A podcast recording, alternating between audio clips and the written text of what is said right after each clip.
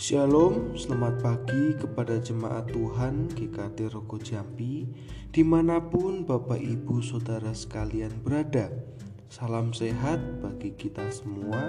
Saya harap Bapak Ibu Saudara sekalian Diberkati dan dilindungi Tuhan senantiasa. Sebelum kita mengawali kehidupan keseharian kita Marilah kita membaca dan merenungkan sebagian firman Tuhan agar di dalam kehidupan keseharian kita kita berada dalam jalan Tuhan. Firman Tuhan terambil dalam Kolose 3 ayat 17. Demikian firman Tuhan, dan segala sesuatu yang kamu lakukan dengan perkataan atau perbuatan, lakukanlah semuanya itu dalam nama Tuhan Yesus sambil mengucap syukur oleh Dia kepada Allah Bapa kita. Bapak, Ibu, saudara sekalian, kita semua adalah manusia yang telah jatuh di dalam dosa. Kita adalah manusia yang selalu berbuat dosa. Terkadang apa yang kita lakukan cenderung adalah sesuatu yang jahat di mata Tuhan oleh karena itu, Rasul Paulus telah mengingatkan agar kita menjauhi segala tindakan kejahatan dalam hidup kita.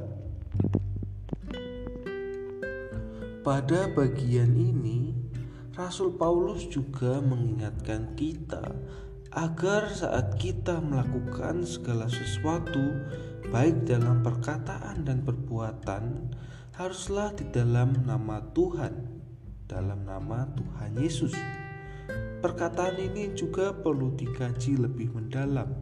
Mengapa kita harus menyebut nama Tuhan Yesus dalam melakukan segala sesuatu yang kita lakukan atau perbuat?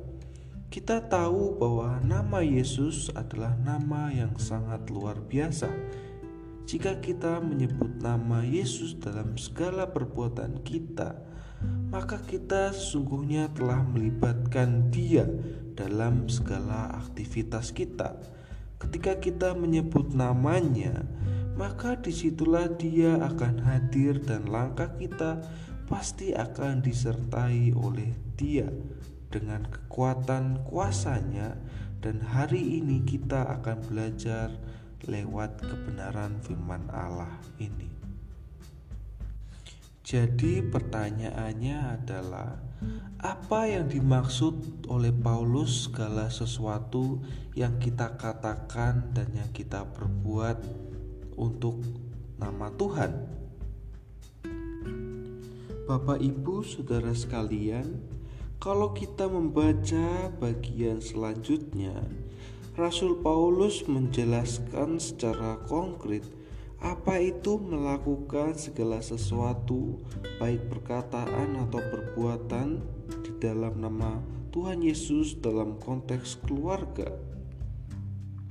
Kepada para istri untuk tunduk kepada suaminya, kepada para suami harus mengasihi istrinya dan tidak berlaku kasar, kepada anak harus taat kepada orang tua, kepada orang tua harus bertanggung jawab mendidik anak-anak mereka dan lain sebagainya yang disebutkan oleh Rasul Paulus.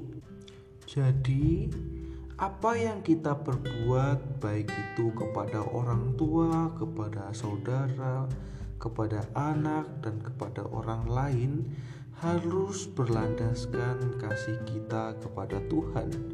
Ketika kita mau mengasihi dan mau melakukan kebaikan di dalam lingkungan keluarga kita, maka kita lakukan demi nama Tuhan Yesus, bukan demi manusia.